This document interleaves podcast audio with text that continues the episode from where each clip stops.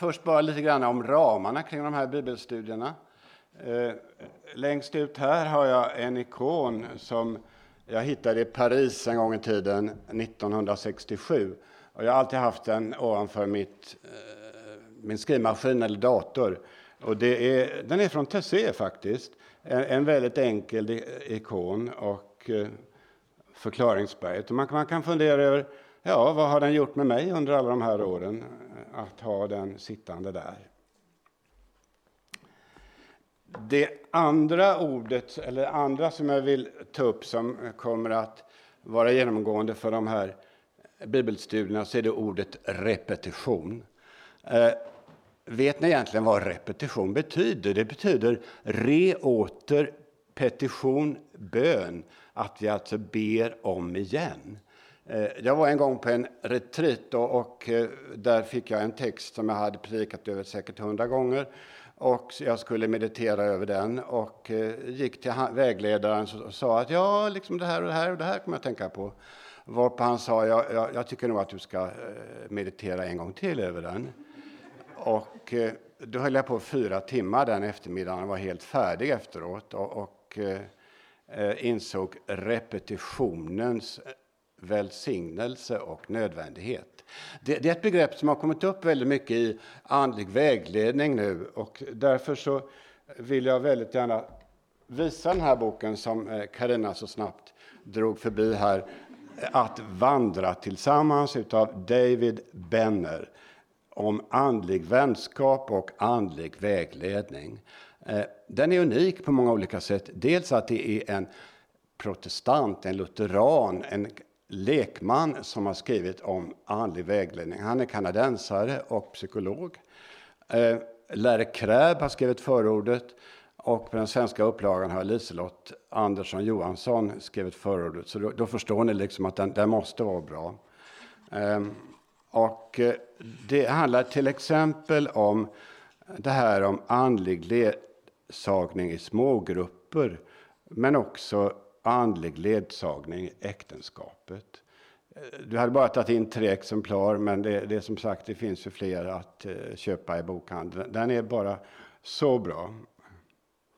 Eh, jag tror egentligen inte riktigt att man, man, kan kalla de här bibelstudierna för andlig vägledning. För att i, i vägledning så är det väldigt viktigt det här att medvandraren träder tillbaka, att det inte finns eh, någon mellan oss och Gud, utan att det ska vara en direktkommunikation. Men jag tänkte lägga in ett antal moment under det här bibelstudiet och morgondagens bibelstudium där jag inte tänker stå i vägen mellan er och Gud. Att, eh, ni kommer få se sedan. Eh, Alltså om repetition var, var, den ena första biten så kommer spiralen tror jag att vara den andra modellen som vi jobbar efter. Att de här första bibelstudiet är, kanske rör sig lite mera på ytan och sen så på något sätt så går det allt mer och mer inåt, uppåt eller nedåt eller vad du vill. Um, tre ord kommer också att vara eh, någonting som ni får ta med er härifrån och det är tre frågor. Eh, vad sticker ut? Vad berör? Vad stannar kvar? Eh, vad sticker ut? Vad berör? Och vad stannar kvar? Jag kommer ta upp de orden mera. Det är bra om ni har Bibeln med er. Vi kommer att använda oss av den, men, men det är klart inget, inget måste. Men, men eh, jag kommer att läsa de texterna högt som det handlar om och vi har förmodligen olika översättningar. Eh, vi ska börja nu med att stanna inför Markus evangeliets eh, beskrivning av förklaringsberget. Jag kommer att använda mig av alla tre evangelisterna som, som beskriver den här händelsen. Men vi börjar alltså i Markus evangeliets nionde kapitel. Och eh, efter det att jag har läst texten så ger jag er och mig fem minuters tystnad då vi kan läsa om texten, då vi kan eh, se vad är det för någonting den säger mig. Så i Jesu namn läser jag. Sex dagar senare tog Jesus med sig Petrus, Jakob och Johannes och gick med dem upp på ett högt berg där de var ensamma. Där förvandlades han inför dem. Hans kläder blev skinande vita, så vita som ingen blekning i världen kan göra några kläder. De såg både Mose och Elia som stod och talade med Jesus. Då sa Petrus till Jesus, Rabbi, det är bra att vi är med. Låt oss göra tre hyddor, en för dig, en för Mose och en för Elia. Han visste inte vad han skulle säga. Det var alldeles skräckslagna. Då kom ett moln och sänkte sig över dem, och en röst hördes ur molnet. Detta är min älskade son, lyssna till honom. Och plötsligt, när de såg sig om, kunde de inte se någon annan där än Jesus. Sex dagar senare börjar den här texten med. Det är bara i samband med den här berättelsen och med passionshistorien som Markus är så noggrann med sin tidsangivelse. De sex dagarna kommer antingen efter Petrusbekännelsen, kapitel 8, eller efter lidandesförutsägelsen. Det är sex månader kvar tills Jesus ska korsfästas. Moses som har varit död i 1480 år och Elia som har varit död i 900 år visade sig för Jesus. Som var tillsammans med Petrus, Jakob och Johannes. Att det är Petrus som har berättat för Markus om händelsen, det kan vi vara säkra på. Vi vet alltså när det hände, vem som har berättat. Men annars så är allt annat hemlighetsfullt dunkel över den här händelsen. Ingen av evangelisterna bryr sig om att berätta vilket berg det var. Traditionen säger att det var Tabor, men bibelforskarna gissar på Hermon som ligger närmare Caesarea Filippi. Men man vet inte. Ägde det rum under dagen eller under natten? De flesta av oss har nog alltid tänkt att det hände på dagen eftersom vi talar om Kristi förklaringsdag. Men Lukas, som den enda av evangelisten, han skriver om att när de följande dag begav sig ned från berget, vilket får forskarna att säga att förmodligen eller kanske ägde det rum nattetid. Men man vet inte. Att lärjungarna hade somnat medan Jesus bad, det kan ju tyda på att det ägde rum på natten. Vi vet ju att Jesus ofta bad till sin himmelske far nattetid. Och Lukas nämner att Jesus hade gått upp på berget för att be. Och den starka beskrivningen av det strålande skenet kan ju antyda nattens mörker som omger det. Markus använder ordet stilbonta som i vår översättning är översatt med skinande vit detta. Det är enda gången som det ordet används överhuvudtaget i det Nya testamentet. Men däremot så finns ordet i Septuaginta som alltså är den eh, grekiska översättningen av det gamla testamentet från 200-talet före Kristus. Och där används ordet stilbonta som en beskrivning av stjärnornas sken.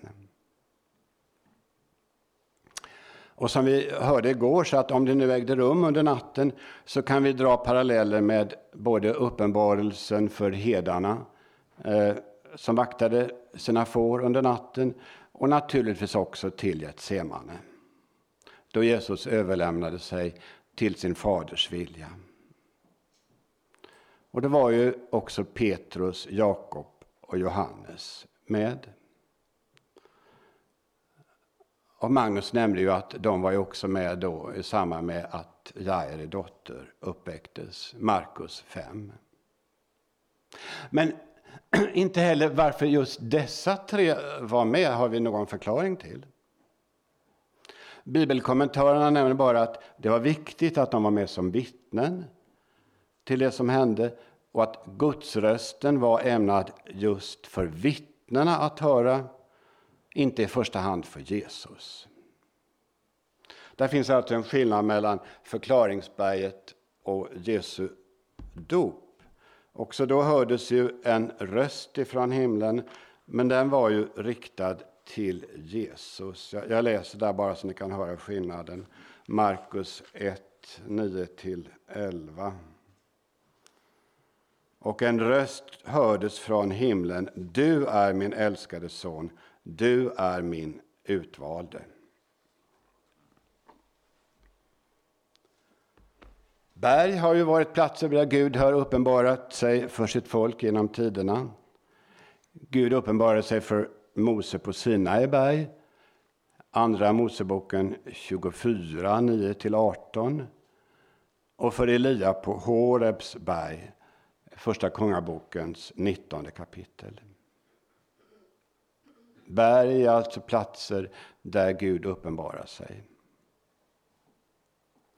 Det står att Jesus förvandlades inför dem.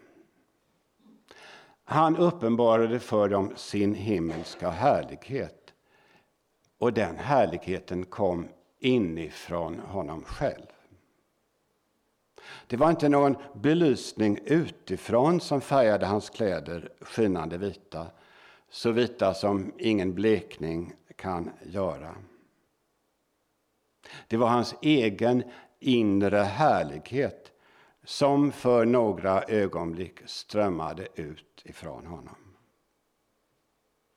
Hans kläder lyste bländande överjordiskt vitt. Att detta är en Guds uppenbarelse, eh, det som kallas för en epifania, det är viktigt att säga. Det här är inte en vision som lärjungarna har, utan det här är på riktigt. Så här är det i himmelen. Och när Paulus senare då gör teologi av den här händelsen så kan han, ledd av den heliga Ande, skriva om att också denna härlighetsgestalt ska vi få. Vi kan titta på Romarbrevet 8, Eh, där han skriver, tycker jag, väldigt bra om det. Romarbrevet 8 från vers 16.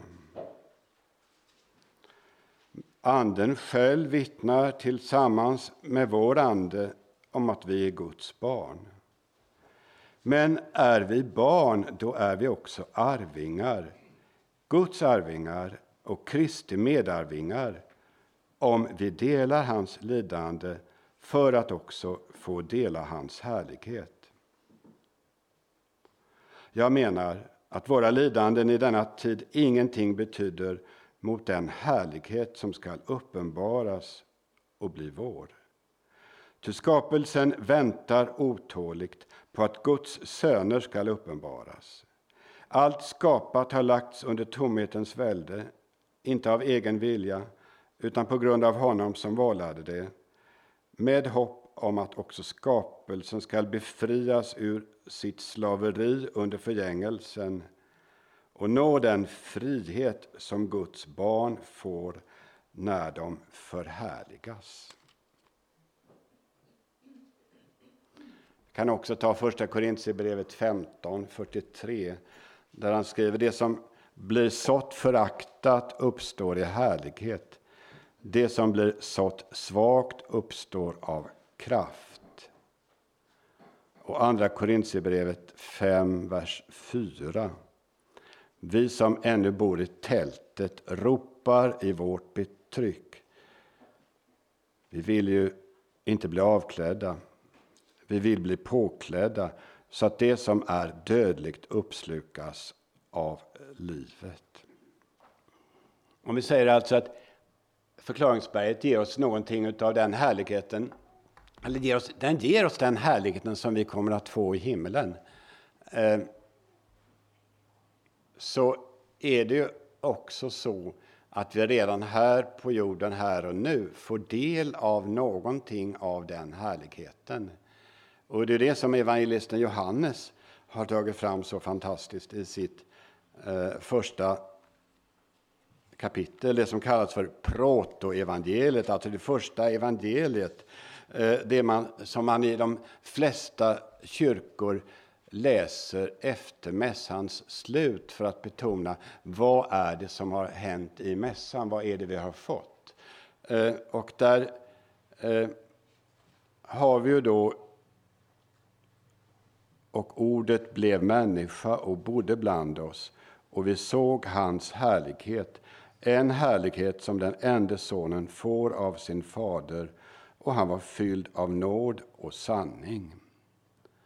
Detta säger alltså Johannes in i kyrkans situation och han fortsätter, av hans fullhet har vi alla fått del med nåd och åter nåd.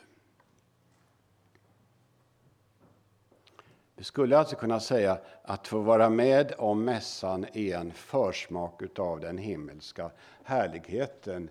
Eh, visserligen i förklädnadens gestalt, men ändå att vi får smaka på det. Hur kunde då lärjungarna veta att det var Elia och Mose som var med Jesus på berget? De presenterade sig ju inte. Nej, i himmelen så behöver vi inte presentera oss. De heliga känns igen genom en slags himmelsk självklarhet och intuition. Gud själv uppenbarar det som vi behöver veta. Men vi vet inte heller varför det var just Elia och Mose som var tillsammans med Jesus. Man har skrivit och sagt mycket om det, men i sak så vet man inte. Man har sagt att Moses skulle vara en bra representant för lagen, och det må han väl vara. Och att Elias skulle vara en bra representant för profeterna. Men det säger forskarna att det är han inte alls, för han har inga profetior om Jesus.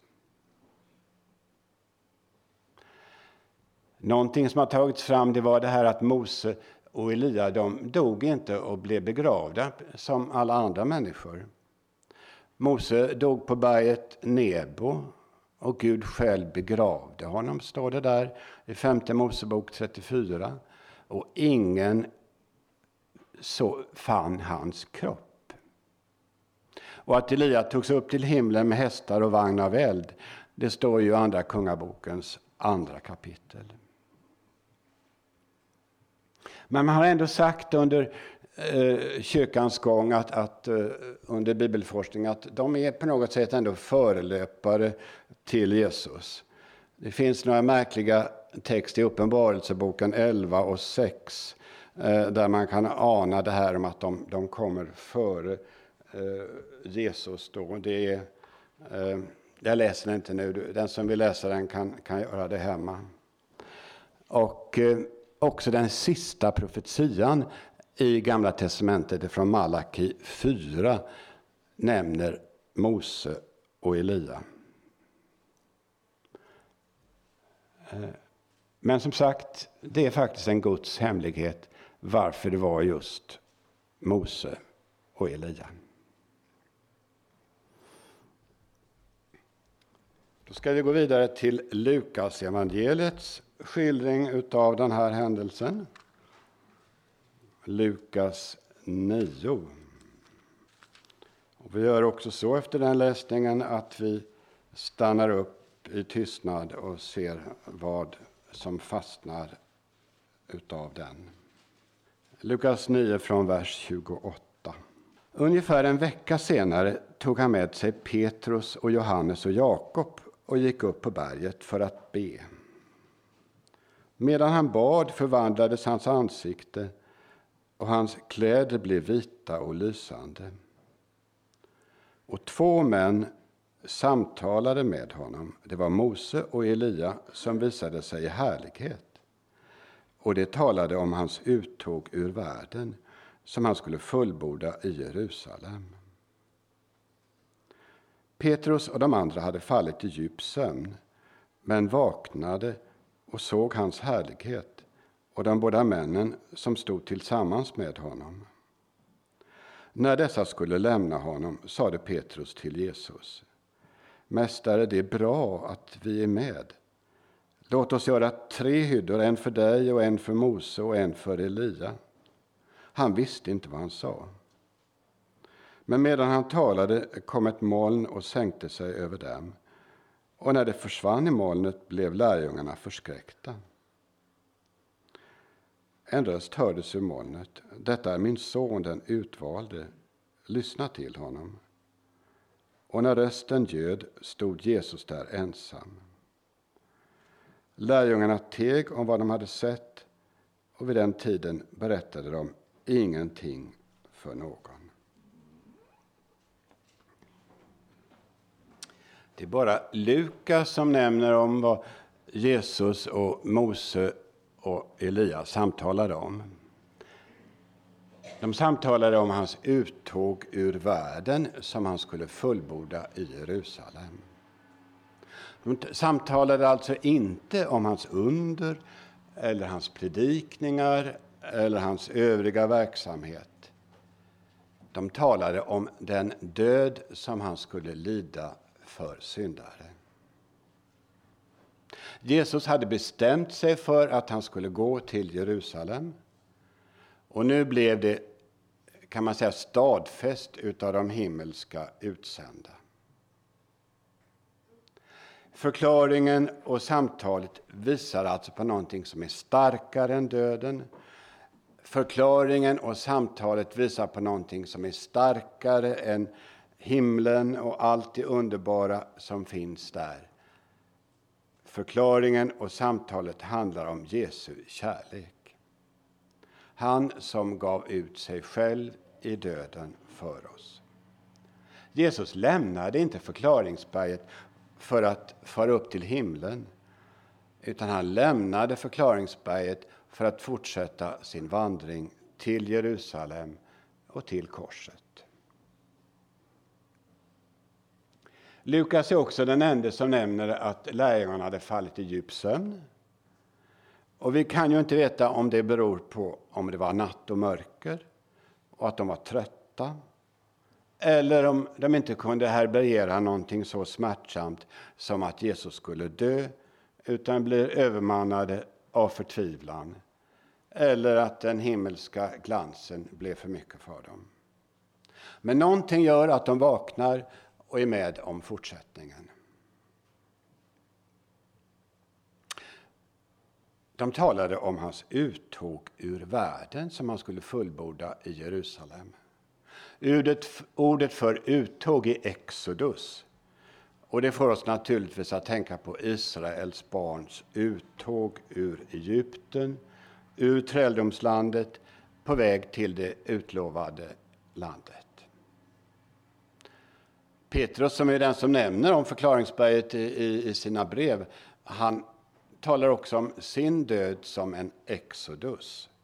Andra Petrusbrevet 1 och 15 men jag vill göra mitt bästa för att ni även efter min bortgång alltid ska kunna minnas dessa ting.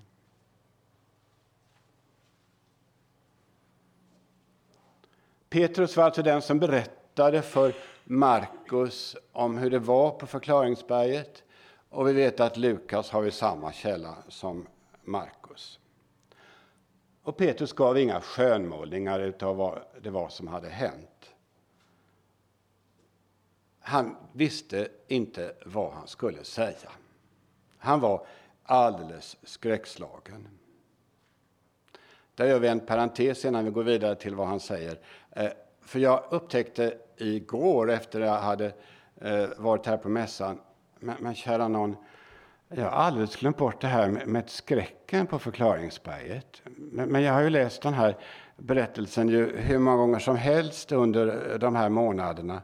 Och det här med, med skräcken som lärarna upplevde, det hade på något sätt inte eh, funnits med i mina förberedelser. Det kommer ett att tänka på eh, när jag första gången i mitt liv var med om bibliodrama. om det är någon som har eh, varit med om det så vet ni hur det går till. Det är det här alltså att man eh, man studerar gudsordet på annat sätt kan man säga. Man, man läser texten massor med gånger, men sen gör man saker och ting. Man kan ha dramaövningar, eller man kan rita, man kan göra allt möjligt. Och, och vi hade den här ganska välkända texten att eh, kom till mig alla ni som arbetar och betungade och ta på er mitt ok och lära mig. Vi hade säkert läst den 10-15 gånger under de här tre dagarna som vi hade bibliodramaövningarna. Men, men så skulle vi då sista dagen, eh, gjorde ledarna så att de la ut de viktigaste orden på, på golvet. Och så skulle man ställa sig bredvid det ordet som man tyckte liksom talade till en då. Och då ställde sig en diakon och jag samtidigt vid samma ord och vi sa precis samtidigt, men står verkligen det här ordet i texten? Eh, och vi hade bevisligen som sagt läst den här texten ganska så många gånger utan att ha upptäckt det. Och för mig var det också en sån där aha-grej nu när jag upptäckte, nej, jag har faktiskt glömt bort det här med att ta fram, eh, ska jag säga, eh, det exegetiska vad gäller skräcken i Bibeln. Det är alltså så att den här bibelstudiet är en mera, ska vi säga då, textgenomgång. De två följande gångerna tar jag upp de själavårdande aspekterna eh, på förklaringsberget. Men nu ska vi alltså stanna vid texten. Och det roliga är att när de Går man igenom de här tre evangelisterna som jag snabbt gjorde nu på de här fem minuterna så ser jag att texten om skräcken den står helt olika vid de eh, tre olika evangelierna. Eh, vid ett tillfälle så var det det här eh, själva ljusskenet som gjorde dem förskräckta. Vid ett annat var det det de samtalade om. Vid det tredje var det det här med att de gick in i molnet, att molnet kom som gjorde dem rädda. Och jag, jag, tror att det är så, när vi blir rädda så, kom, så, så liksom går allting samman. Vi vet inte riktigt när det hände och vad det berodde på. Men att vi blev rädda, ja det blev vi. Och att Guds uppenbarelse har mycket med rädsla att göra. Det är kanske ingenting vi predikar så där väldigt mycket om, för det är inte precis så inbjudande. Men, men det är ju så. Eh, lärjungarna får varje gång säga när de kommer, var inte rädda då till Maria och till Josef och, och eh, Ehm, det var ju... Ehm, ja... Gud är både kärlek men också det här totalt annorlunda, den totalt annorlunda som vi aldrig kan greppa. Och när någonting så stort drabbar oss, då kanske just det blir rädslan, den eh, känsla som kommer fram. Men vad Känn efter vilka känslor du har inför bibelordet när du läser det. För det är alltid våra känslor som så att säga, leder oss rätt till att detta är det som Gud vill säga mig. Och då säger Petrus det här som vi tycker nu är ganska platt i den svenska översättningen. Det är bra att vi är med. Här är oss gott att vara, hade vi den gamla översättningen. Eh, jag slog upp Jerusalems bibeln där hemma. Det är egentligen Eh, en ekumenisk översättning som anses vara väldigt texttrogen. Och den, den, har den här underbara meningen It is wonderful for us to be here. Uh, it is wonderful for us to be here. Och det, det är ju någonting som kanske stämde överens mera utav hur det var för dem. Låt oss göra tre hyddor. En för dig och en för Mose och en för Elia. Kommentarerna säger att Petrus trodde att den messianska härligheten redan hade brutit in och att han därför tänkte göra en boning åt Herren. Eh, han skulle bygga en helgedom åt honom. Eh, Olof Hartman har ju tagit fram det här om att det är ett sätt för oss att behålla det som snabbt går förbi. Eh, och det tycker jag han har gjort en helt underbar psalm om. I Matteusevangeliet så står det att det var ett lysande moln som sänkte sig över dem och ur molnet kom en röst som sa Markus uttrycker det att ett moln kom och sänkte sig över dem och en röst hördes ur molnet. Och Lukas är något utförligare och skriver Men medan Petrus talade kom ett moln och sänkte sig över dem och när de försvann i molnet blev lärjungarna förskräckta. En röst hördes ur molnet. Molnet är ofta platsen för Guds uppenbarande. När Gud uppenbarade sig på Sinai berg så står det i Andra Moseboken 19. Då sade Herren till Mose, jag skall komma till dig i ett tätt moln så att folket kan höra när jag talar med dig sedan kommer de alltid att lita på dig. Och i Andra Samuelsbokens 22 kapitel, som är en lovsång av David, där kallas molnet för Guds tält. Han dolde sig i mörkrets tält, i molnens fuktiga massor. Man skulle kunna säga att molnet är det synliga symbolen för Guds närvaro. Andra Moseboken 40 talar om att moln täckte uppenbarelsetältet och Herrens härlighet fyllde boningen. Jag läser den texten för den är ganska ljuvlig. Andra Mosebok 40 från vers 34. Ett moln täckte uppenbarelsetältet och Herrens härlighet fyllde boningen.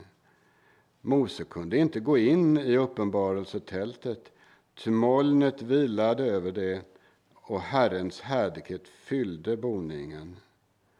Varje gång molnet höjde sig från boningen bröt israeliterna upp och fortsatte sin vandring. Om molnet inte höjde sig bröt de inte upp, inte förrän det höjde sig. Herrens moln vilade över boningen om dagen och om natten lyste en eld i molnet inför israeliternas ögon under hela deras vandring.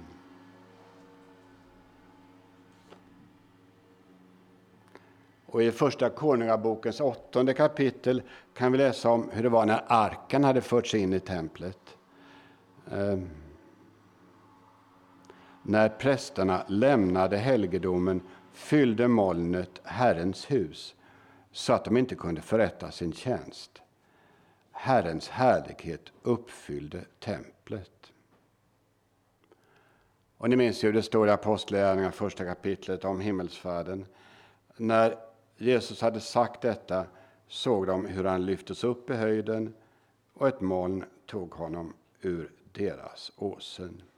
Man kan säga att allt som hittills har skett i samband med förklaringen är förspel och bakgrund till kärnan i uppenbarelsen, som är rösten från himlen. Detta är min son, den utvalde. Lyssna till honom, säger Lukas. Detta är min älskade son, lyssna till honom, säger Markus. Och Matteus skriver, detta är min älskade son, han är min utvalde. Lyssna till honom. Matteus är den enda som nämner Jesu kärleksfulla handling då han gick fram till de skräckslagna lärjungarna och rörde vid dem och sa stig upp och var inte rädda.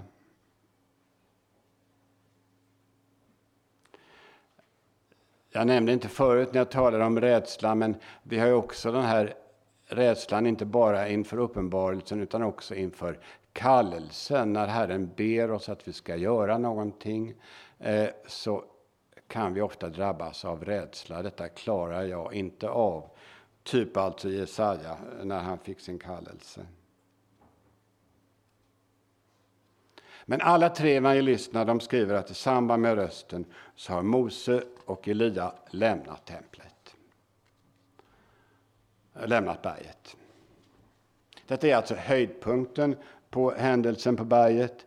Gud själv talade för att bekräfta och styrka deras tro. Och för att de skulle vara mera upptagna av Jesus än av Mose och Elia. Efter detta så var det omöjligt för dem att betvivla att han var Guds son. Befallningen att lyssna till honom gick ut på att man både skulle lyssna till vad han sa och göra det som han sa. De skulle alltså lyssna till honom när han talade om sin död, någonting som de tidigare inte hade velat göra. Mose och Elia försvann när, Jesus, när rösten kom det var alltså bara Jesus som var kvar. Fadern förhärligade bara Jesus. Det var bara Jesus som skulle lyssna till, han som var lagens och profetians uppfyllelse. Matteus och Markus berättar att Jesus förbjöd dem att säga någonting. Lukas bara konstaterar med att de teg med vad de hade sett och vid den tiden berättade de ingenting för någon. De var inte mogna att berätta om händelsen och de som var runt omkring dem hade inte kunnat ta emot det på ett rätt sätt. Inte så länge anden inte var utgjuten. Vi ska läsa Matteus evangeliets skildring nu av händelsen. Matteus har det i kapitel 17. Sex dagar senare tog Jesus med sig Petrus, Jakob och hans bror Johannes och gick med dem upp på ett högt berg där de var ensamma. Där förvandlades han inför dem. Hans ansikte lyste som solen och hans kläder blev vita som ljuset. Och de såg Mose och Elias stå och samtala med honom. Då sade Petrus till Jesus. Herre, det är bra att vi är med. Om du vill skall jag göra tre hyddor här. En för dig, en för Mose och en för Elia. Medan han ännu talade sänkte sig ett lysande moln över dem och ur molnet kom en röst som sa Detta är min älskade son, han är min utvalde. Lyssna till honom. När lärjungarna hörde detta kastade de sig ner med ansiktet mot marken och greps av stor skräck. Jesus gick fram och rörde vid dem och sa Stig upp och var inte rädda. De lyfte blicken och de såg ingen utom Jesus. Vad var det som stack ut? Vad var det som berörde? Vad var det som stannade kvar? Ehm, ta gärna och skriv ner någon mening eller något ord innan vi avslutar den här samlingen. Och naturligtvis kan du ta med dig allt det här till gruppen. Det du vill dela med gruppen, det gör du. Och det du vill behålla för dig själv, det behåller du för dig själv. Vi ska avsluta, för jag tror det är, även om vi har tid att gå in på själavårdande aspekter så, så är det liksom ett, ett annat ämne. Vi, vi dröjer med det till imorgon. Utan vi ska avsluta med att be en bön som Moder Teresa och hennes medsystrar ber varje morgon. Ja. Eh, det är en bön som kardinal Henry Newman har skrivit som heter att utstråla Kristus. Och det står här att det var en av Moder Teresas favoritböner.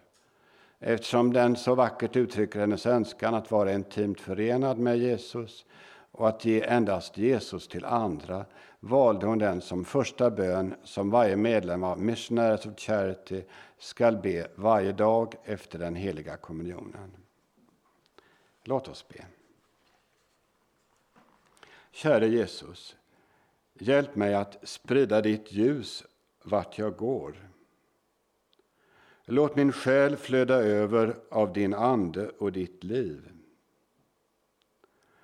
Genomsyra mig och ta hela min varelse så fullständigt i besittning att mitt liv endast blir en utstrålning av ditt. Stråla genom mig och var i mig så helt att varje människa jag möter kan känna din närvaro i min själ. Låt dem lyfta sin blick och låt dem inte längre se mig utan endast dig, Jesus. Bli kvar hos mig så att jag börjar lysa som du lyser. Lysa så att jag blir ett ljus för andra. Allt ljus, o Jesus, skall komma bara från dig, intet från mig. Må du lysa för människorna genom mig. Låt mig prisa dig så som du helst vill genom att utstråla dig i min vardag. Låt mig förkunna dig utan att predika. Tala inte med ord utan genom mina handlingar. Genom den övertygande kraften i min medkännande kärlek till nästan. Mitt hjärtas absoluta hängivenhet för dig.